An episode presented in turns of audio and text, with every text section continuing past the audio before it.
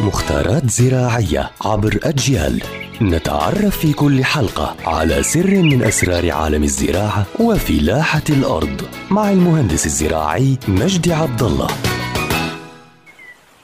أهلا بكل متابعي ومتابعة أجيال عبر منصاتها الاجتماعية المختلفة. رح نحكي اليوم أيضا عن موضوع مهم وضروري وهو تلقيح النخيل.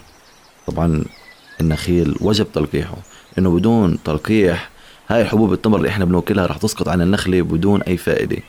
فإحنا حكينا عن أصناف النخيل وكل صنف له عدد معين من حبوب اللقاح بمعنى أصناف إخنازي، حشيشي، مجهول، برحي، خلينا نقول في فلسطين في البرحي وفي المجهول فصنف البرحي عدد حبوب اللقاح اللازمة لتلقيح كل قطف بيختلف عن تلقيح المجهول فلازم أنا ألتزم بمعيار معين لتلقيح وعدد معين من حبوب اللقاح ووقت التلقيح أيضا.